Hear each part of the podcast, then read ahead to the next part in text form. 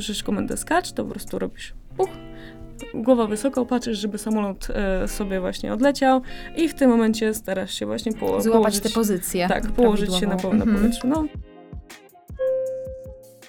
To jest podcast Cześć, pogadajmy konkretnie. Drodzy słuchacze, drodzy widzowie, w 48 odcinku podcastu Cześć, pogadajmy konkretnie, poszybujemy w przestworzach. Wspólnie z Sabiną Sinkiewicz, młodszym specjalistą z Biura Współpracy Międzynarodowej w CPK, porozmawiamy o skokach spadochronowych. Cześć Sabina. cześć, witam cię serdecznie. Skoki spadochronowe zaliczają się do grupy sportów ekstremalnych. Skąd pomysł i odwaga na wypróbowanie tej elitarnej dyscypliny? E, bardzo miło mi słyszeć słowo elitarnej, teraz czuję się w jeszcze lepszym gronie ludzi, powiedzmy. E, prawda jest taka, że to wszystko zaczęło się od mojego taty. E, mój tata sam był, jest e, skoczkiem spadochronowym. E, no powiedzmy, że jest, no bo on ma swoje lata. E, no i to zaczęło się właśnie od tego, że wychowałam się na lotnisku. Wychowałam się e, w aeroklubie, e, gdzie często tatą właśnie spędzałam czas i z mamą, tam często właśnie przesiadywaliśmy. Chciałam skakać już bardzo wcześnie, bo w wieku nawet 13-15 lat, ale moja mama jest bardzo wielką przeciwniczką skoków spadochronowych. Chyba można od 16 lat, tak? Od 16 albo 18 w tak, od, od, od 16. Mhm. Tylko ze zgodą teraz od jakichś tam paru lat, ze zgodą notarialną obojga rodziców. To był ten problem, że mama nie chciała tego podpisać, Oczywiście. więc musiałam poczekać do osiemnastki. E, a plus jeszcze w tym samym czasie jakoś zaczęłam działać w harcerstwie i poznałam harcerzy, którzy zaczęli em, kursy spadochronowe harcerskie. I to też jakoś tak miałam to w głowie, że a może tutaj by to spróbować. Mhm. I jeszcze w tym samym czasie, bo to wszystko działo się równolegle tak naprawdę, e, byłam w liceum i technikum lotniczym u nas w Warszawie i to po prostu jakoś tak wszystko się połączyło i stwierdziłam, mam zbyt wiele znaków, żeby nie, tego nie rozpocząć. I pewnego dnia po prostu e, zapisałam się, wpłaciłam pieniądze na skoki, na kurs i pojechałam z moimi harcerzami e, skakać właśnie. Pierwszy raz pojechaliśmy, bo parę razy z nią jeździłam, trzy razy. Mhm. Pierwszy raz pojechaliśmy do Przasnysza. I kiedy to było? Ile miałaś lat? 18, dosłownie. A, to już- 18, to, to był- okej. To był chyba tak, ja miałam w kwietniu 18 urodziny, a w czerwcu był kurs. Okej. Więc e, pamiętam właśnie, jak moja mama była taka, nigdzie nie jesz. Powiedziałam, mamo, mam już 18 lat, sorry. Sama decyduję. Tak, tak, no. Więc taka jest mniej więcej właśnie, e, taki jest początek skoków w moim życiu. Jasne. A ile tych skoków odbyłaś?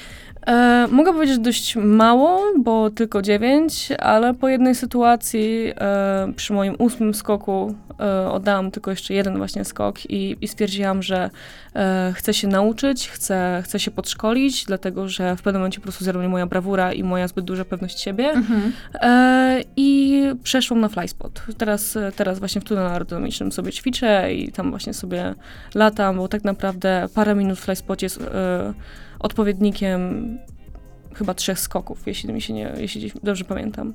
Więc to jest takie, też taka fajna, fajna zajawka, tylko bardziej troszkę powiedzmy bezpieczniejsza. Powiedz, powiedzmy. W takim razie opowiesz nam proszę o rodzajach, o typach skoków. Od czego to jest zależne? Właśnie jak się przygotować? Okej, no to, to, to jest tak, że mamy jakby trzy typy skoków. E, mamy AFF, mamy tandem i mamy e, desant. I jeśli chodzi o AFF, to to jest takie najbardziej typowe skoki, jakie nam się właśnie e, przychodzi od razu na myśl, no to to jest ten skok 4000 metrów, tylko że Mhm. samodzielny. E, mamy właśnie tandem, który jest taki sam, tylko że po prostu skaczemy z instruktorem, który jest u nas na plecach. Mhm. A desant to są skoki właśnie no, desantowe albo na linę, też to są, e, używać tego e, naprzemiennie. I to są skoki mniej więcej z tych 2000 metrów, tak gdzieś około, bo czasami jest 2200, 2500, Mhm. 1800, bardzo, bardzo zależy. E, I kwestia jest taka, że to jest właśnie na tą linę, że ma się podpięte do liny, e, w sensie ma się podpiętą linę do samolotu i z samolotu do czaszy spadochronu. Wyskakuje się i po paru sekundach automatycznie nam się otwiera spadochron poprzez właśnie to pociągnięcie. Lina zostaje w samolocie, a my sobie normalnie mamy otwartą czaszę i sobie lecimy na, e, na otwartej czaszy. I to są właśnie te, te typy.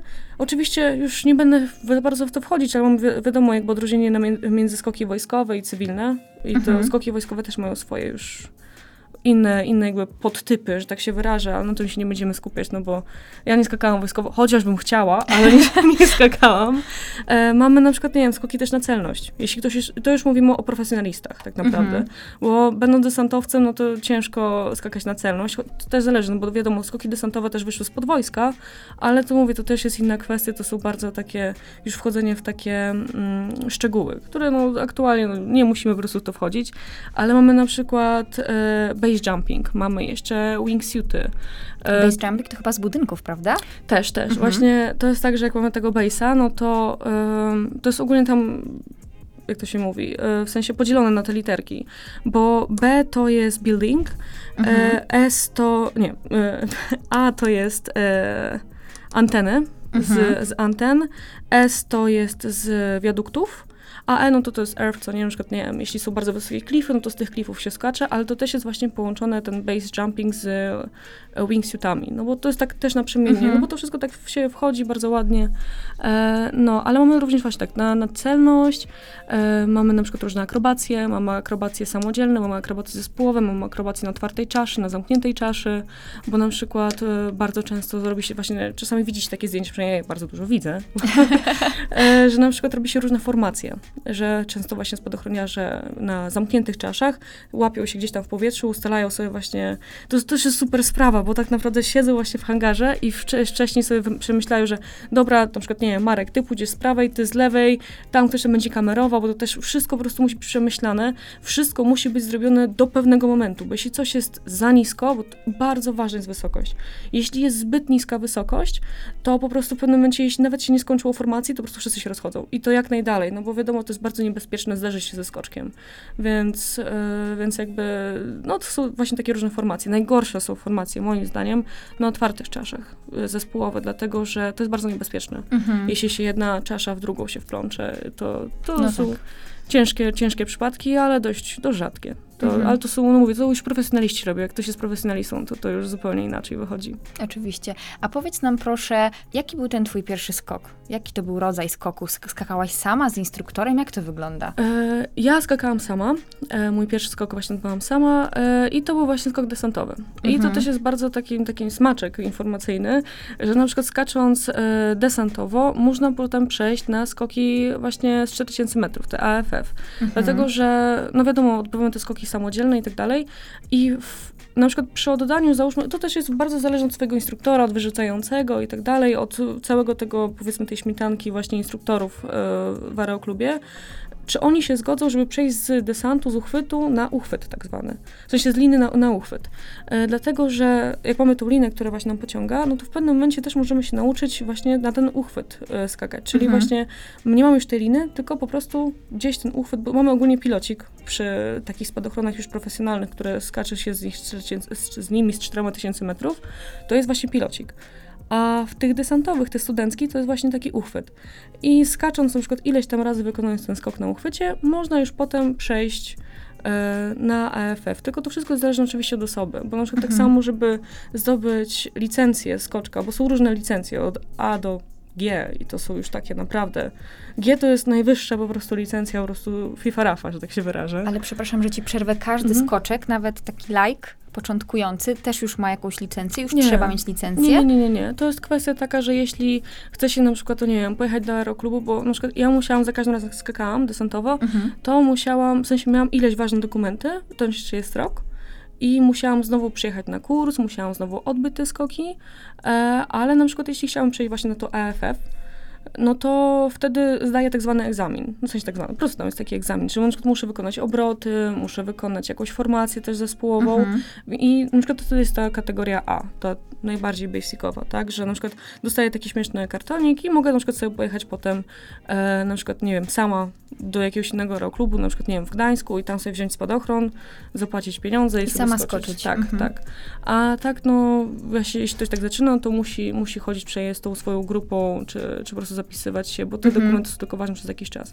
Tak samo jak wszystkie inne potem kategorie, też je trzeba odnawiać, bo to nie można na przykład, e, nie wiem, załóżmy, że wykonałam sobie 200 skoków, potem miałam przerwę 10 lat. No, musiałabym znowu e, od nowa, od nowa zrobić właśnie te, e, te kursy.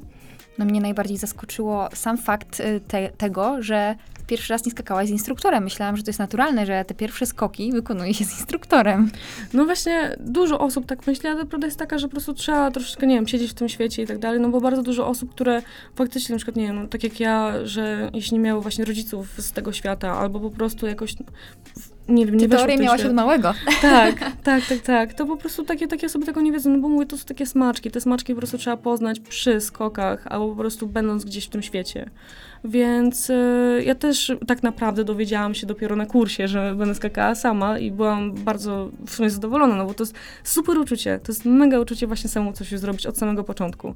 No to trochę jakby, nie wiem, zamiast, jest niby kurs na prawo jazdy, jest teoretyczny, a potem na praktyczny, to w sumie ty od razu już sama jeździsz, Mhm. więc fajne, ale no, kto, kto, też, kto co lubi. To jest podcast Cześć, pogadajmy konkretnie. Chciałabym, żebyś opowiedziała nam, jak się przygotować do takiego pierwszego skoku, bo na pewno nasi słuchacze, nasi widzowie są tym bardzo zainteresowani. Na pewno psychicznie. Ten strach trzeba przezwyciężyć.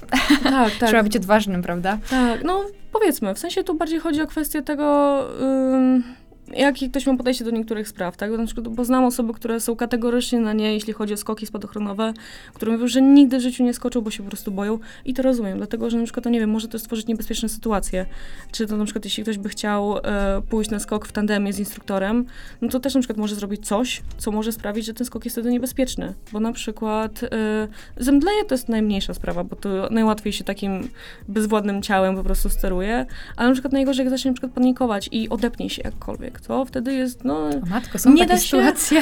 Nie, chyba nie znam takiej sytuacji, ale, Ale wszystko wiadomo, wszystko, wszystko się może zdarzyć. Tak, tak, e, ale przygotowanie to wiadomo, oprócz tego psychicznego, no to załóżmy, że wszystko jest super, chcemy się zapisać, no i teraz zależy, co, co jaką sobie sytuację wybierzemy. Czy wybieramy sobie tandem, czy wybierze, wybierzemy sobie AFF, Mhm. bo od razu na przykład, nie wiem, chcemy pójść na AFF, bo wiemy, że to jest nasza sprawa, no to wiadomo, wybieramy sobie e, Areo Klub, e, w którym chcielibyśmy sobie e, poskakać, jakieś najbliżej. Naj, w sensie ja uważam, że najlepiej wybrać najbliższy e, swojego zamieszkania właśnie Areo Klub. Właśnie o to chciałam pytać, jak dobrać tego organizatora, tak naprawdę miejsce, czyli w tym przypadku Aeroklub. Jak, jak do tego podejść? No, ja na przykład miałam coś takiego, że mi zależało bardziej na ludziach. E, Jestem tego, tego ty- typu osobą, która bardziej lubi właśnie ludzi niż, niż miejsce, bo uważam, że tak samo, że dom jest tam, gdzie są ludzie, a nie tam, gdzie po prostu jest ta cegła. E, Tak jak w pracy. Więc, tak. E, Kwestia jest taka, że właśnie, no ja pojechałam z moimi harcerzami, więc ja bardziej chciałam z nimi spędzić ten czas. Ja skakałam w Przasnyszu, w Przasnysza nie znałam nikogo, a potem się okazało, że to w sumie byli znajomi mojego taty, więc ja też miałam o tyle łatwiej, Świat że... jest mały. Tak, świat jest, spadochroniarski świat jest bardzo mały. E, no i więc też miałam jakiś tam powiedzmy luz, no bo już kogoś też tam znałam, jeszcze tam, no nie wiem, z zewnątrz, tam jeszcze miałam swoich przyjaciół właśnie, jeśli chodzi o harcerstwo, więc e, uważam, że najważniejsze właśnie są ludzie, zebrać jakieś na przykład swoje towarzystwo, które też chce skakać, albo po prostu na przykład jeździć sobie do tego aeroklubu, poznawać sobie tych ludzi. I też obserwować zwyczajnie. Tak, tak, Mhm. tak, tak, tak. I jakoś po prostu uważam, że najważniejsze to jest, no na przykład, nie wiem, jeśli ktoś jest sobie zestresowany, to czasami potrzebuje tej takiej chłodzącej ręki, że słuchaj, wszystko będzie dobrze. To tak samo uważam, że na spadochronach to jest ważne, znać kogoś, lubić się z kimś i tak właśnie dobrać to. Myślę, że też ważne jest miejsce, jak wygląda. Ja na przykład, jak mnie ludzie pytają, gdzie mogą e, pójść skakać, to ja mówię, że jeśli ci nie zależy, jak, w sensie po prostu chcesz sobie pójść na tandem, no to pojedź sobie albo w górę, albo nad morze. Tam jest ładnie. Mhm. Jeśli będziesz pamiętać, żeby, że trzeba patrzeć, bo bardzo wiele osób, z kim nie rozmawiałam, kto właśnie skakał tylko w tandemie, to każdy ma pierwszy skok taki po prostu, że patrzy w dół. Nie patrzy na Widoki. Do, tak, tylko patrzy, patrzy w dół, byleby tylko przeżyć, a dopiero czasami przy drugim razie przychodzi taka realizacja, że mogę popatrzeć, mogę się rozejrzeć, ale i tak jest, jak uważam, że czasami człowiek coś zapamiętuje, więc lepiej pójść gdzieś w ładne miejsca, nie tylko widzieć bloki i pola. Mhm. E, tak, więc jeśli chodzi o takie dobieranie, no to to jest też kwestia, czego się chce, co, co, co się lubi. A czy jakieś certyfikaty, jakieś zaświadczenia, tak żebyśmy wiedzieli, że rzeczywiście tamto miejsce jest odpowiednie tak technicznie i po prostu zwyczajnie, jeśli chodzi o bezpieczeństwo. Dobre pytanie, nigdy się na tym nie zastanawiałam. E, wydaje mi się, że jakby samo z siebie to założenie, że po prostu takie miejsca są bezpieczne, no muszą być bezpieczne. To jest na tyle niebezpieczny sport, że trzeba z, naprawdę zrobić bardzo wiele jakby e, przygotowania, żeby takie miejsce powstało. Więc nie wiem, czy są jakieś porządne certyfikaty. Myślę, że po prostu certyfikat tego, że ktoś jest instruktorem spadochronowym wystarczy. E, ale po prostu, no mówię, też może zobaczyć, jaka jest flota sam, samolotowa, jakim samolotem można można e, jakby wylecieć, czy to są samoloty, nie wiem, stare, czy młode. E, no i spadochrony też, jak, jak długo są te spadochrony w aeroklubie. Myślę, że to też, jeśli kogoś bardzo interesuje, to może można na to patrzeć, ale mało kto na to patrzy. Mhm. Nawet nie wiem, czy takie informacje wtedy trzeba było po prostu dzwonić do aeroklubu i zapytać, że hej, z kiedy macie spadochrony, czy to jest, nie wiem, mają 5 lat, czy 10 lat, czy cokolwiek. A czy spadochrony wszystkie są takie same, czy też w zależności od tego, jaki to jest typ skoku, to ten sprzęt jest różny? Tak. To też jakby w sensie, musimy mieć jakąś gwarancję, że ten sprzęt jest odpowiedni do skoku, tak? Bezpieczny zwyczajnie. Tak, to, to już jakby zajmują się tym jakby instruktorzy, to Mhm. osoby jakby, wiadomo, że my nie jesteśmy rzucani na głęboką wodę, to jest tak, że po prostu, e, no nie wiem, instruktor nam wszystko jakby poda, pomoże, wy, wytłumaczy, bo na przykład moje spa- spadochrony, którym ja skakałam, to są takie ciężkie, wielkie spadochrony, Mhm. takie po prostu bydlaki, takie studenckie, a sportowe na przykład spadochrony, te właśnie tych skoków e, na celność i tak dalej, czy Mhm. właśnie tych zespołowych akrobacji, to są bardzo małe, kompaktowe spadochrony, które mają zupełnie inną czaszę tak naprawdę, zupełnie, one są do czegoś innego stworzone, są jakby zwinniejsze, szybsze i tak dalej. Na ze spadochronami jest trochę jak z, sam, z samochodami, tak? Jakby, no nikt nam nie da na przykład na jeździe próbnej, jak się uczymy na prawo jazdy jakiegoś, nie no, czy to Lamborghini, czy Ferrari, e, tylko dadzą nam jakieś takie, no nie wiem, Toyotki. Bezpieczny. Tak, tak samo Teraz chyba właśnie... Hyundai. Tak, tak, no w sumie Hyun- Hyundai, no zapomniałam. E, no i tak samo właśnie jest z spadochronami studenckimi, że one są właśnie takie dość szerokie, bardzo duże, takie, że prawie nic się nie może na nich stać, bo kiedy właśnie przy desantowych skokach, to one były okrągłe, takie te właśnie wojskowe, stare, okrągłe spadochrony, że po prostu się- jak się spadało, tak się spadało, prawie się nimi sterować się nie dało, tylko po prostu to było takie, że dobra, i spadnij. no tylko na nogi uważaj. A tak to teraz to one są, no po prostu, po prostu większe, tak? No, no, i, no i tyle. Ale one są okrągłe? Chyba zazwyczaj są takie Tak. Takie, takie skrzydło po prostu Mhm, to jest. skrzydełka. Okrągłe to są tylko te właśnie te stare takie Te wojskowe. okej, tak, rozumiem. ale to też oni chyba od tego odchodzą, tak mi się wydaje. No, wojsko ma swoje procedury. Jakby zostawmy wojsko w spokoju, oni tam sobie... Zajmujemy się cywilnymi tak, skokami, się oni oczywiście. s- sami. Dobrze, a jeśli chodzi teraz, bo już porozmawiałyśmy o aspekcie technicznym, ale jeśli chodzi jeszcze o takie, y, mówiłaś też o psychicznym przygotowaniu, to właśnie pozostał nam aspekt fizyczny, czyli czy rzeczywiście trzeba się fizycznie przygotować, czyli czy jest jakaś rozgrzewka, jak, jak to wygląda. Pewnie też w zależności od rodzaju skoku, ale to powiedzmy dla takiego e, lajka, który przychodzi i chciałby po prostu sobie skoczyć, czy, czy sam, czy właśnie z, z instruktorem. No tak, no to na przykład u nas zawsze było coś takiego przed skokiem, że my zawsze mówili rozgrzewka. Rozgrzewka musi być, dlatego że jakby pomijając aspekt tego, że to były wyjazdy harcerskie, więc mieliśmy jakąś tam powiedzmy, no nie musztrę, nie musztrę i inne takie, no nie wiem, rzeczy, które musieliśmy robić jako harcerze, to kwestia jest taka, że e, też, nie wiem, z moimi znajomymi z aeroklubu, po prostu przed skokiem zawsze to było rozgrzanie kostek, rozgrzanie e, nadgarstków, ca- z całego Czyli siebie. głównie stawy. Tak, no na stawę trzeba bardzo mocno uważać i kwestia jest taka, że po prostu, no, tak samo jak my idziemy na siłownię, to się rozgrzewamy przed e, cięższymi ćwiczeniami, bo to jest po prostu ważne, żeby nie było zesztywniałe ciało i po prostu, żeby też było miło się skakało, no bo pociągnięcie, jak się otwiera spadochron jest bardzo mocne i tak samo lądowanie jest bardzo ważne, no bo Mhm. jeśli na przykład nie rozgrzeliśmy się, to po prostu możemy sobie ewentualnie zrobić krzywdę. Więc jeśli ktoś nie chce sobie robić rozgrzewkiem, to niech sobie nie robi, ale jak ktoś po prostu chce, żeby wszystko było ok, no to warto sobie zrobić, co to jest 30 sekund, nie minuta. To jest też wiadomo, jak ktoś chce, jeśli ktoś chce na przykład zrobić sobie trening przed skokami, go for it. Jakby jeśli ktoś chce, to proszę bardzo. No to teraz już mamy rozgrzewkę. I co dalej? Jakie są ogólnie kroki? Jaka jest ta procedura skoku ze spadochronem? No to okej, rozgrzaliśmy się. No to teraz wkładamy sobie spadochron. E, już pomijając te aspekty, czy typu, na przykład, nie wiem, zapisanie się na wylot, no bo to wiadomo, że to też trzeba kiedyś wylecieć. E, nie będziemy skakać przez drzewa. Formalności zostawiamy w, w aeroklubie. Tak, tak, tak. No to po prostu idziemy sobie do samolotu, wsiadamy sobie. Też zależy jaki samolot, bo są przeróżniaste jeszcze, oprócz tego, że są typy spadochronu, są jeszcze typy samolotów, z jakich Mhm. można skakać. Więc ja na przykład pamiętam, że skakałam z AENA, czyli miałam bardzo dużo miejsca, mogłam sobie wstać, przejść się, a skakałam czasami z takiej małej cesny, że po prostu miałam kolana tutaj pod brodą i po prostu kolegę przed I sobą. jeszcze ze spadochronem się zmieścić. No tak, tak, i to jest takie po prostu, a ja, jeszcze koleżanka miała spadochron, na mój spadochron na swoich nogach, ja miałam kolegi spadochron na swoich nogach i po prostu byłam taka, no nie wiem, jak harmonijka tak naprawdę i po prostu wszyscy tak wylatujemy tak pu, pu, pu i jeszcze najlepsze jest to, że czasami właśnie w tych cesnach, żeby bo to nie jest tak, że na przykład jak my sobie siedzimy, to jest od razu wylatujemy, że po prostu wychodzimy, tylko to jest tak, że musimy złapać się, obrócić się poza samolotem, żeby dobrze się obrócić i dobrze wyskoczyć. Więc to też jest Ale fajne. wyskakujesz przodem jakby do mm, gruntu, że tak się wyrażę, czy, czy tyłem? Jak, jak to działa? Jest jakaś, nie wiem, taka technika z samego teraz skoku, to, że tak, o trzeba to się... chodzi, że trzeba się położyć tak naprawdę na powietrzu. To, to jest bardzo ważne, że musimy się położyć, musimy być Mhm. jakby jakkolwiek aerodynamiczni, bo to już jest ten moment Mhm. jakby, jeśli chodzi o położenie się, to jest właśnie ten moment jakby tego free fall, tak, że sobie po prostu wolno spadamy.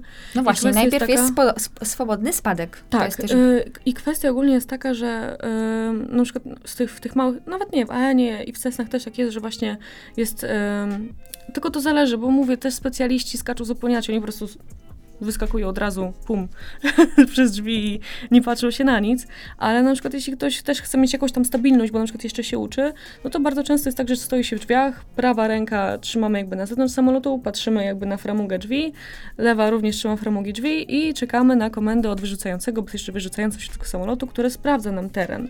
Bo to też jest bardzo ważne, że nie możemy sobie wyskoczyć kiedy chcemy i tak dalej, tylko jest specjalny wyrzucający, który on na samym, na samym końcu, jak wszyscy wyskoczą, to on dopiero wyskakuje.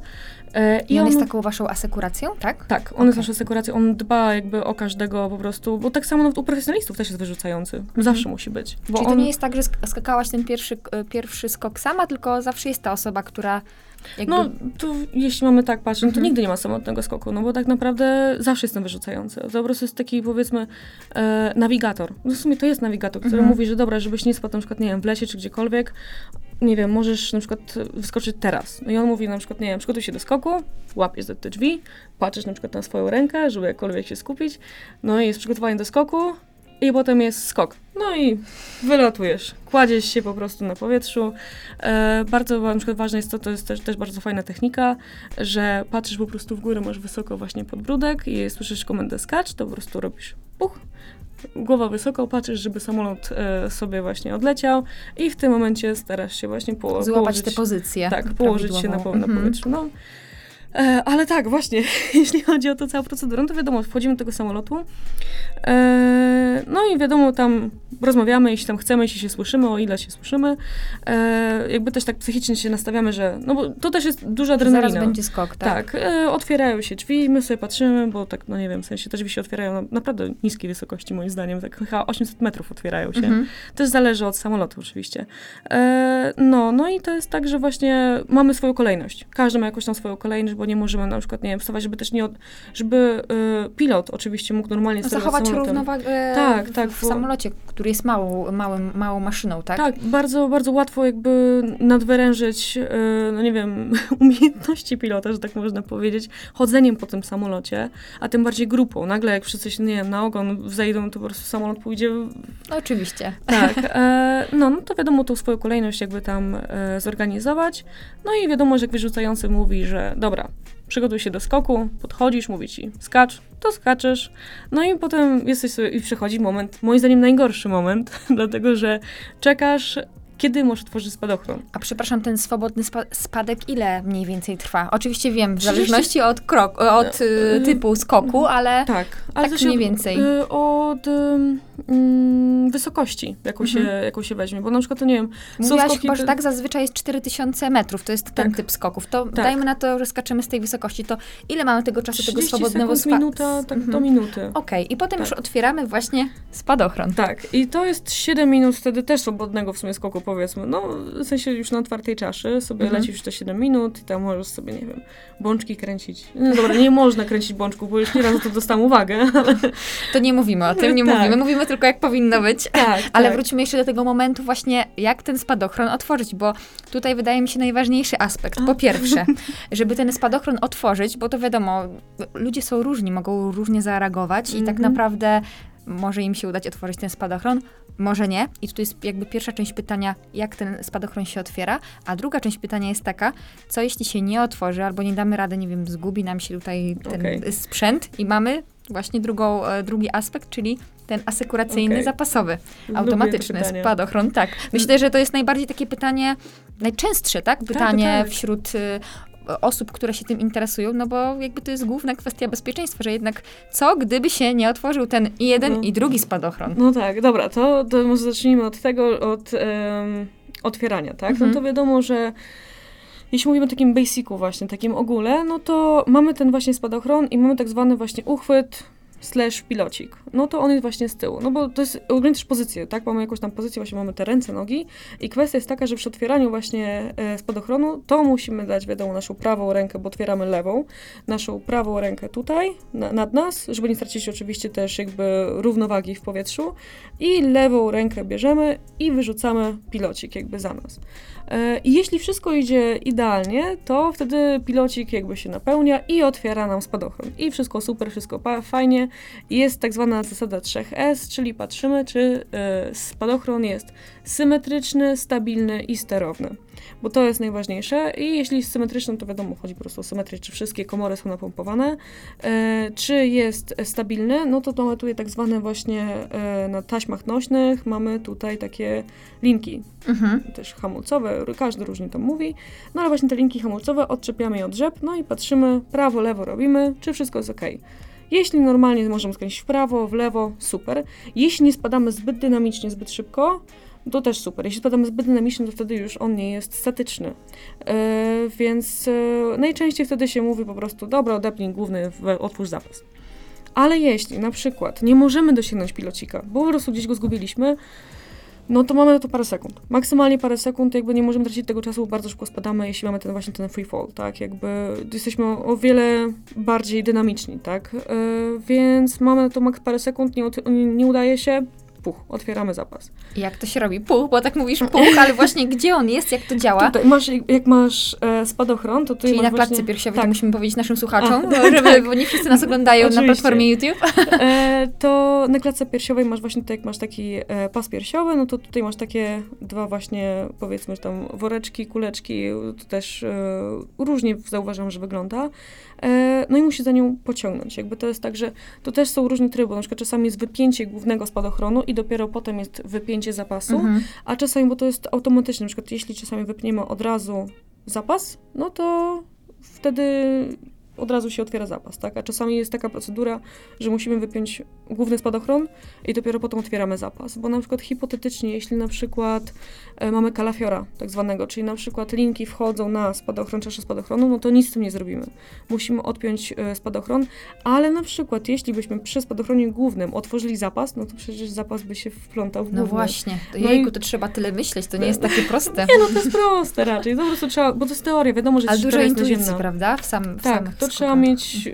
Naprawdę trzeba być spokojnym, moim zdaniem. E, no, Jak to być spokojnym? Spada się 4000 metrów i... no nie, no raczej, raczej to jest jakby. To też zależy bardzo od osoby i to myślę też przychodzi z czasem, bardzo mocno z czasem i też z sytuacją, mi się wydaje. Też wiadomo, Mhm. kto jak pracuje pod, pod presją, kto jak się czuje pod presją i tak dalej. Bo uważam, że czasami w sytuacjach niebezpiecznych jest ta presja. Jest ta presja, gdzie Mhm. faktycznie trzeba się uspokoić, trzeba przemyśleć Mhm. całe swoje zachowanie i całe, całą jakby procedurę, która się dzieje. Mhm. No ale właśnie, i więc czasami właśnie jest ten moment, że trzeba odpiąć główny spadochron, żeby ten zapas nie, nie zaplątał się, a czasami właśnie nie otwiera się główny, bo coś po prostu, nie wiem, czy za słabo, czy się właśnie tego pilocika nie znalazło, czy na przykład czasami jest coś takiego, że pilocik wyrzucimy, a on się nie napełnia. Nie napełnia się, nie ma tego powietrza i nie wyciąga głównego spadochronu. On wtedy tak samo, no, puch, otwieramy zapasowy spadochron. No dobrze, a jakie jest prawdopodobieństwo, że ten zapasowy się również nie otworzy, skoro ten główny Bardzo może niskie. się nie otworzyć? Bardzo niskie, jakby to jest kwestia taka, że przy zapasowych to naprawdę jest dużo, dużo jakby formalności. Prawo lotnicze jest bardzo restrykcyjne, przynajmniej z tego, co ja czytałam, z tego, co widziałam. Tak samo przy wypadkach spadochronowych jest bardzo restrykcyjne prawo lotnicze. E, są pewne zachowania, które trzeba jakby spełnić. E, więc jakby bo jeśli chodzi o składanie też spadochronu, to też jest bardzo ważne. Spadochron główny może każdy sch- złożyć, który jest triggerem, tak zwanym właśnie układającym. Bo to po prostu trzeba zrobić sobie kursik, zrobi ktoś sobie kursik i może sobie składać. Bardzo dużo spadochroniarzy robi coś takiego, że jest spadochroniarzami, plus jeszcze jest układającymi. I układają bardzo często sobie sam spadochron. Ale spadochron y, zapasowy, to on normalnie ma, zupełnie jak to się nazywa, y, ale ma taką plakietkę kto. Jakby mm, składał zapasowy spadochron, plus jest to wszędzie, w sensie jest podpis, to jest naprawdę jakby dużo formalności jest. I jakby to, to nie jest takie, w sensie, jeśli nie otworzy się zapasowy spadochron, no to ta osoba odpowiada, która składała sp- zapasowy spadochron. Więc to naprawdę jest takie, że można za to, no, odpowiadać już karnie. Więc to, więc bardzo rzadko się nie otwiera ten i ten. To naprawdę są przypadki, których ja na przykład nie słyszałam. Mhm. A mówię, od dzieciaka słyszałam od taty wiele his historii, od naszych znajomych, od każdego Mhm. różne Po prostu ze świata spadochronowego. Tak, teraz tak, no. E, No dobrze, i teraz przejdźmy w takim razie, moim zdaniem, do najbardziej newralgicznego e, momentu, czyli lądowania, bo lecimy sobie, tak jak mówiłaś, do tak 7, do 7 minut, No tak już 7 ze spadochronem. w sensie to 7 minut to już jest razem z lądowaniem. w sumie. A, okej. do, do tego przeziemienia Jasne, się. dobrze, no to w takim No. razie teraz zatrzymajmy się na tym lądowaniu. Czy to Okej. jest najbardziej taki niebezpieczny właśnie moment, czyli no musimy poprawnie się zachować, żeby poprawnie wylądować i żeby nic sobie nie zrobić. Tak, w sensie kwestia jest taka, że dużo osób myśli, że spadochrony to jest prawie że to samo jak samoloty, że tak się mniej więcej e, zachowujemy. Bo, bo bardzo często w samolotach jest coś takiego, że e, kiedy startujemy, kiedy lądujemy jest najbardziej niebezpieczny moment dla e, lotnictwa, a prawda jest taka, że w spadochronach, ale to też mówię moim, z mojej perspektywy, moim zdaniem najgorszy moment jest do otworzenia spadochronu, dlatego że jak już jest otwarty spadochron i wszystko jest fajnie, wszystkie formalności spełniliśmy, to możemy sobie lecieć, a to co się stanie, bo to też jest ja uważam, że lądowanie jest bardzo mocno zależne od nas, od tego, jak, od naszych umiejętności. A ten moment otwierania spadochronu już jest czasami zależny od innych czynników. Mhm. Od osoby, która okładała spadochron, od sytuacji, po, po, jakby, nie wiem, pogodowej, od, y, nie wiem, naszego ułożenia, od, jakby jest zbyt dużo czynników, więc uważam, że najniebezpieczniejszym momentem to jest właśnie otwarcie, do otwarcia spadochronu. A najbardziej lajtowym to jest właśnie lądowanie. Ja przynajmniej lubię bardzo lądowanie. Zawsze mi wychodziło, po prostu muszę tu się pochwalić. Mój pierwsze lądowanie było idealne, nie spadłam, więc jakby bardzo często widzi się, jak ludzie lądują tu właśnie tak na pupę. A wylądowanie właśnie tak na nogi, no to to jest, to jest super. Ale też nie można na proste nogi, bo to jest kwestia taka, że e, jak się ląduje, jak się leci, to trzeba szukać strzałki. To jest bardzo ważne. Strzałka jest najważniejsza. A co to jest strzałka? W Dosłownie sensie strzałka. To jest dosłownie na ziemi, tak? tak, jest taka wielka Okej. strzała, która po prostu leży na ziemi i ona nam mówi, jak powinniśmy lądować. No bo to jest tak, że ona nam mówi, jaki jest kierunek wiatru. Więc e, bardzo często po prostu to jest nasz wyznacznik, jak musimy lądować. Mhm. I oczywiście też jest bardzo często plan lotniska na, w aeroklubie, mówiący, gdzie jest jaka strefa. Bo wiadomo, aeroklub to nie jest tylko i wyłącznie strefa spadochronowa, tylko też jest strefa szybo, e, dla szybowców, dla samolotów, dla paralotni i tak dalej. Więc czasami są właśnie takie strefy tylko i wyłącznie, gdzie nie Można. można Że nie można. że nie można. Mhm. Na przykład to jest bardzo często blisko hangaru, bo to jest niebezpiecznie właśnie tam lądować, bo wiatr zawieje cokolwiek. Czasami, no wiatr jest zmienny, tak? Więc czasami za bardzo zawieje i można na hangar spaść, to jest niebezpieczne.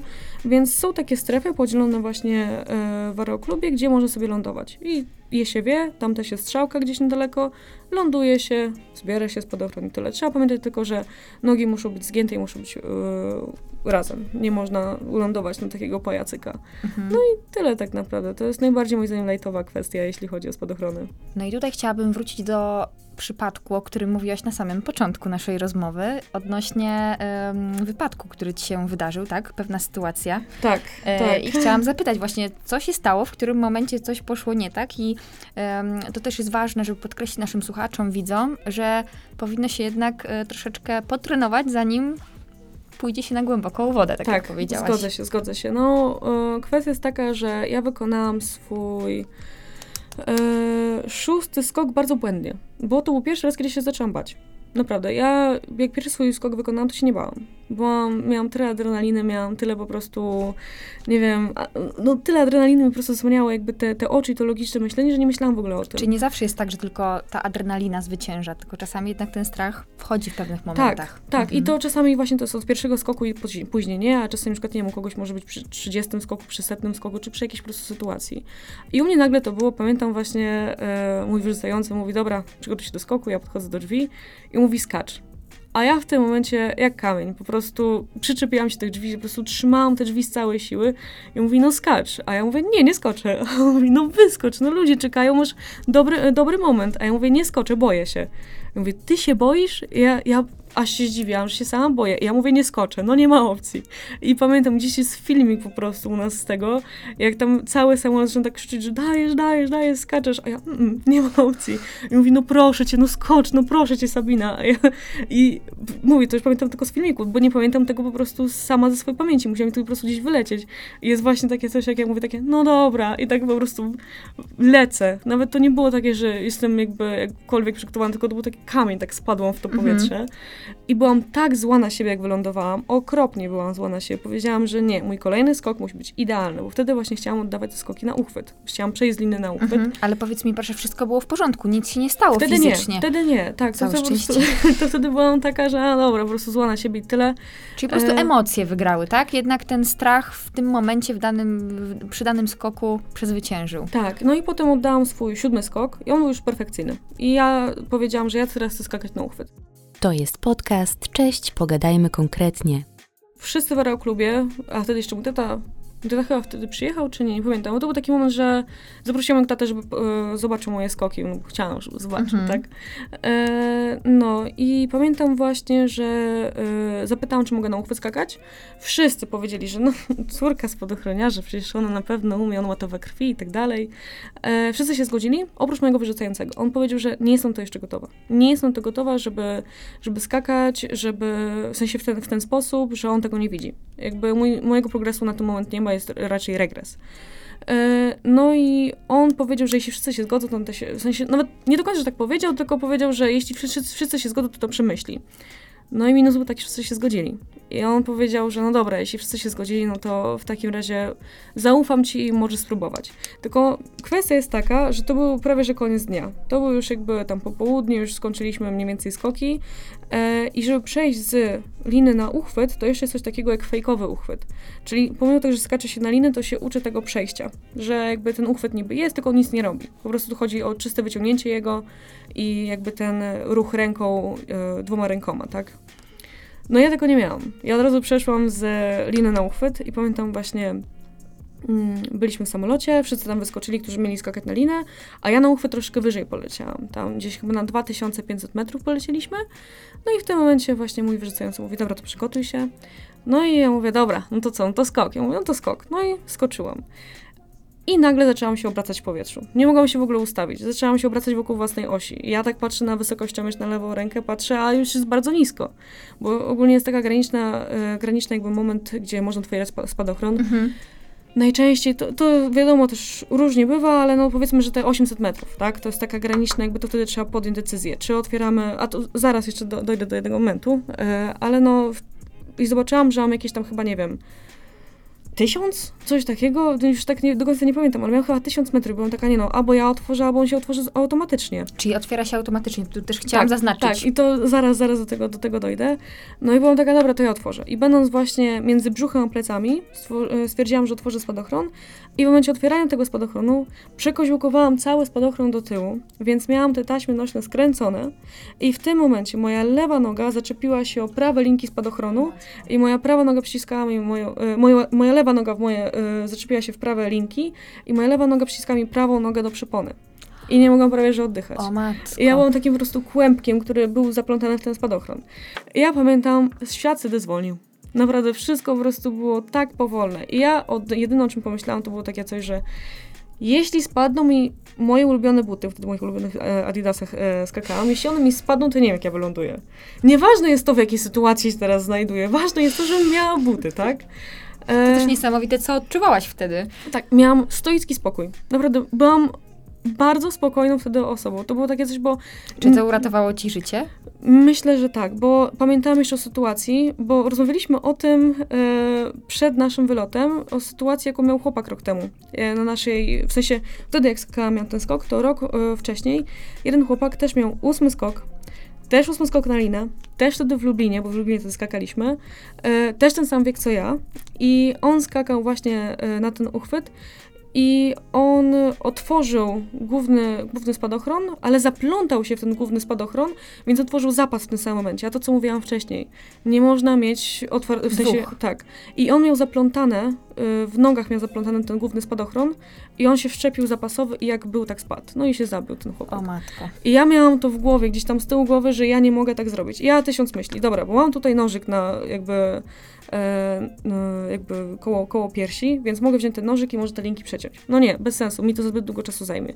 Miałaś minutę, pewnie nie całą już. Nie wiem, ile miałam czasu, dlatego pojęcia nie Mhm. miałam wrażenie, że 10 minut tam siedziałam, naprawdę. Mhm. I to tak po prostu, że nagle w powietrzu się zatrzymałam. Nie, że spadałam, tylko po prostu zatrzymałam się w tym powietrzu. E, no, ale byłam taka, nie, nożyk za długo. Mm, odpiąć główny spadochron? No nie, za dużo roboty. No to stwierdziłam, że dobra, może postaram się jakby na tym spadochronie się podciągnąć. No i podciągnęłam się właśnie na prawych linkach, rozluźniłam je chociaż trochę i wyrzuciłam swoją nogę. No i w tym momencie, jak wyrzuciłam swoją nogę, to już mogłam oddychać, byłam taka huch, Nareszcie mogłam wziąć e, właśnie powietrze. No i zobaczyłam czy, te trzy zasady tych trzech S, czy jest spadochron symetryczny, stabilny i sterowny. Czyli wtedy się już ułożył normalnie. Tak jak się już wyplątałaś, to wtedy rozplątałaś Nie pamiętam, spadochron. jak on wyglądał podczas Mhm. lotu, bo wydaje mi się, gdyby on stracił stabilność, to bym spadała jeszcze szybciej. A nie wydaje mi się, że aż tak Aż szybko tak spadała. szybko spadała, tak, więc rozumiem. wydaje mi się, że czasza była otwarta, tylko po prostu w tych linkach byłam zaplątana. Mhm. Więc kwestia jest taka, że y, zobaczyłam właśnie, że wszystko jest ok, że jest symetrycznie, że jest stabilnie. No i sterowność. No i odpiłam właśnie te, te linki. No i tak patrzę, ciężko chodzi, ale chodzi, tak? Trochę więcej siły, ale da się normalnie skręcić. Stwierdziłam, nie ma opcji, żebym odp- odpinała główny spadochron. No i wylądowałam, wszystko ładnie na nóżki wylądowałam, no i tam do mnie moje znajomi właśnie po- podbiegają, że o Sabina, super, udało ci się skoczyć na uchwyt. A ja mówię, a wy widzieliście, co się stało teraz? A on coś długo spadochronu nie otwierałaś, no ale chyba wszystko jest okej. A ja mówię, mam nadzieję, Jezu, w sensie, no, zobaczymy zaraz. No i wtedy zwo- zwo- zwołali apel, więc przebrałam szybko w mundur. Nie byłam taka, już tam krzyczałam, że zapiszcie mnie na kolejny wylot. I pamiętam, schodzimy z apelu i ja tak coraz bardziej kuśtykam tą nogę. Coś mnie za- za- zaczyna coraz bardziej boleć. E, No i tak patrzę. I na początku była adrenalina, która No, adrenalina po prostu przejęła weszła- wszystko. Tak, ona wyszła całkowicie. Naprawdę adrenalina, adrenalina bardzo dużo daje. Naprawdę nie zdawałam sobie sprawy, jak bardzo mocno adrenalina potrafi niektóre... Ona ból potrafi całkowicie uśmierzyć. I pamiętam właśnie tak zaczęłam kuśtykać, patrzę, a miałam już czerwoną nogę od połowy uda do kostki, miałam całą czerwoną nogę. Już była taka bordowa ta noga. Matko. I tylko Krew były... nie dopływała pewnie tam się. Tak, i Mhm. tylko linki były odbite. Widać było, jak te linki właśnie były na nas odbite. I byłam taka, mm, okej, no niech będzie. E, no i to był akurat nasz ostatni dzień e, skakania. Ja akurat e, napisałam tatę, że powiedziałam, no słuchaj, musisz mnie zabrać. E, bo do Radomia jechałam z, z moim przyjacielem, a z Radomiem tata mnie zabierał. No i on zabrał z tego Radomia mówi, no co się dzieje? A ja mówię, a, miałam chyba, chyba miałam przypadek, miałam chyba jakiś wypadek spadochronowy. No i pyta, co się stało, ja mu powiedziałam, powiedział, no dobrze, dobrze żyjesz. Pojechaliśmy właśnie potem do szpitala, to też już inna długa historia, no ale kwestia jest taka, że miałam taki właśnie przypadek i potem stwierdziłam, że nie wiem, czy chcę skakać. Bardzo długo byłam- bujałam się z myślami, bardzo długo. Miałam potem sny, gdzie w ogóle, nie wiem, ginę ze spadochronem i tak dalej. Naprawdę to mocno na mnie wpłynęło. I Tylko dopiero jak zeszła ta adrenalina, to zaczęłaś o tym tak myśleć. tak, bardzo, bardzo mocno. Mhm. Tak, zdałam sobie sprawę, że faktycznie, w sensie jedna głupia decyzja, to nie był jakiś, nie wiem, straszny przypadek, tylko o to chodzi, że czasami jedna decyzja zdaje sobie sprawę, człowiek sobie zdaje sprawę, że naprawdę tą jedną decyzją mógł sobie, no mógł się zabić Mhm. dosłownie. To jest niesamowite, że właśnie bałaś się i ten strach cię okiełznał, jak byłaś w samolocie, gdzie wcześniej miałaś idealne skoki, Mhm. a ten stoicki spokój miałaś w momencie, kiedy tak naprawdę można by było sobie pomyśleć, że wtedy najbardziej powinien człowiek się bać. I to jest niesamowity w ogóle odwrotność. Tak, tak. I nie wiem, czemu tak wyszło, dla tego pojęcia nie mam, ale jestem Mhm. zadowolona jakby z wyników, że tak można powiedzieć. E, no i co, co mogę Czyli jeszcze... co teraz? Czyli teraz sobie trenujesz w, po prostu w tunelu aerodynamicznym. Tak, no w sensie po tym, po tym wypadku, przypadku, no to tylko raz jeszcze skoczyłam, ale znowu się cofnęłam, bo nie chciałam na uchwyt skakać, tylko Mhm. znowu poszłam skakać na linę i stwierdziłam, że w sensie było fajnie, wszystko było idealnie, naprawdę jakby był troszeczkę tylko większy taki strach, taka troszkę większa taka adrenalina, Em, ale stwierdziłam, że nie, że ja chcę wrócić do, nie chcę się cofać, chcę jakby poćwiczyć we flyspocie, chcę sobie poćwiczyć w tym tunelu, em, bo dla mnie jest ważne to, że mogła kontrolować jakby swoje ciało, no bo Mhm. najważniejsza jest kontrola. W spadochronach najważniejsze jakby jesteś ty i twoja kontrola, co robisz. Mhm. No więc, e, więc teraz właśnie ćwiczę po, po tym właśnie jednym skoku, który zrobiłam po tym wypadku, no to ćwiczę sobie, e, właśnie no, tam chodzę z znajomymi też e, do, na flyspot, więc całkiem fajna też zajawka. Twoją pasją są skoki spadochronowe, a na co dzień rozwijasz się zawodowo w CPK. I to jest niesamowite, że w spółce mamy różnych specjalistów, nie tylko z pionu lotniskowego, nie tylko z kolejowego, a mimo to łączą nas pasje. Tak, właśnie stwierdziłam ostatnio po jednym z. Mm, po jednej z sesji w tunelu, że byłoby fajnie tutaj też przyjść z kolegami z pracy. Nie tylko tymi, których znam, ale też e, po prostu założyć pewną grupkę, bo mamy różno, dużo sekcji sportowych u nas, prawda, wewnętrznie, jakoś tam się skrzykujemy ludźmi, żeby gdzieś sobie tam pójść na tenisa, na piłkę nożną. To stwierdziłam, że nie ma nic takiego bardziej ekstremalnego, no bo no przepraszam, no, piłka nożna, gdzie ona jest ekstremalna? Więc stwierdziłam, że byłoby też fajnie chociaż trochę e, polatać. Na pewno spadochrony to jest za dużo. Myślę, że mało kto by chciał skakać ze spadochronem, więc mamy sekcję sportową. Ja bym chciała pewno potem jeszcze podpytam więcej. Dobrze. E, tak, ale mamy sekcję sportową flyspotu i sobie wychodzimy tam, e, w sensie próbujemy się teraz jakby wyjść, bo wiadomo, mamy 40 chętnych osób, to jest bardzo dużo, tak mi się przynajmniej wydaje, mhm. a też jakby nie można latać aż w tyle osób w tunelu. W sensie to by zajęło całe dwa dni, gdybyśmy mhm. chcieli parę minut, każdy zechciałby polatać, przynajmniej po sześć. E, więc e, tak, no właśnie tak sobie skrzyknęliśmy się i próbujemy właśnie, bo naprawdę to są bardzo różni ludzie. Od dyrektorów do, nie wiem, właśnie młodszych specjalistów. Jest po prostu przekrój różnych osób na różnych stanowiskach, z różnych działów. Tak jak powiedziałaś, jest... miejsce tworzą ludzie, tak, tak, naprawdę. Więc tak, to jest tak, bardzo tak. ważne. No i a propos latania jeszcze i pasji, e, też tutaj mogę wspomnieć, że w najbliższy weekend, bo już 26 i 27 sierpnia e, CPK pojawi się na Airshow w Radomiu, więc tutaj też dla osób, które są chętne zobaczenia pokazy lotniczo, ale również odwiedzenia naszego stanowiska, serdecznie zapraszamy, bo wiem też, że są osoby i tutaj u nas i w spółce, ale też i nasi słuchacze, widzowie, którzy na pewno chcieliby uczestniczyć w takim wydarzeniu. Sabina, serdecznie dziękuję Ci za rozmowę. Również Ci bardzo dziękuję, była bardzo owocna i bardzo się cieszę z tej rozmowy. A Tobie życzę wysokich lotów. Dziękuję bardzo.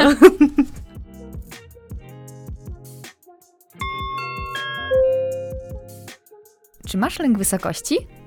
To zależy, bo jeśli mam przy sobie spadochron, to wtedy czuję się o wiele bardziej bezpiecznie. Ja na przykład, e, jeśli wejdę na jakąś wysoką budowlę i nie mam spadochronu i na przykład widzę nad, e, pod sobą, że nie ma nic, na przykład jestem na jakimś, jak czasami na, na budowach są takie śmieszne schodki, mhm. to jak widzę to pod sobą, to nogi mi się trzęsą, ale, ale to jest tak pół na pół. To mocno zależy od sytuacji. Adrenalina czy spokój?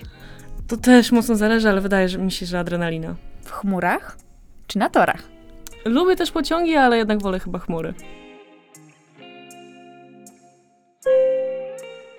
To był podcast Cześć, pogadajmy konkretnie.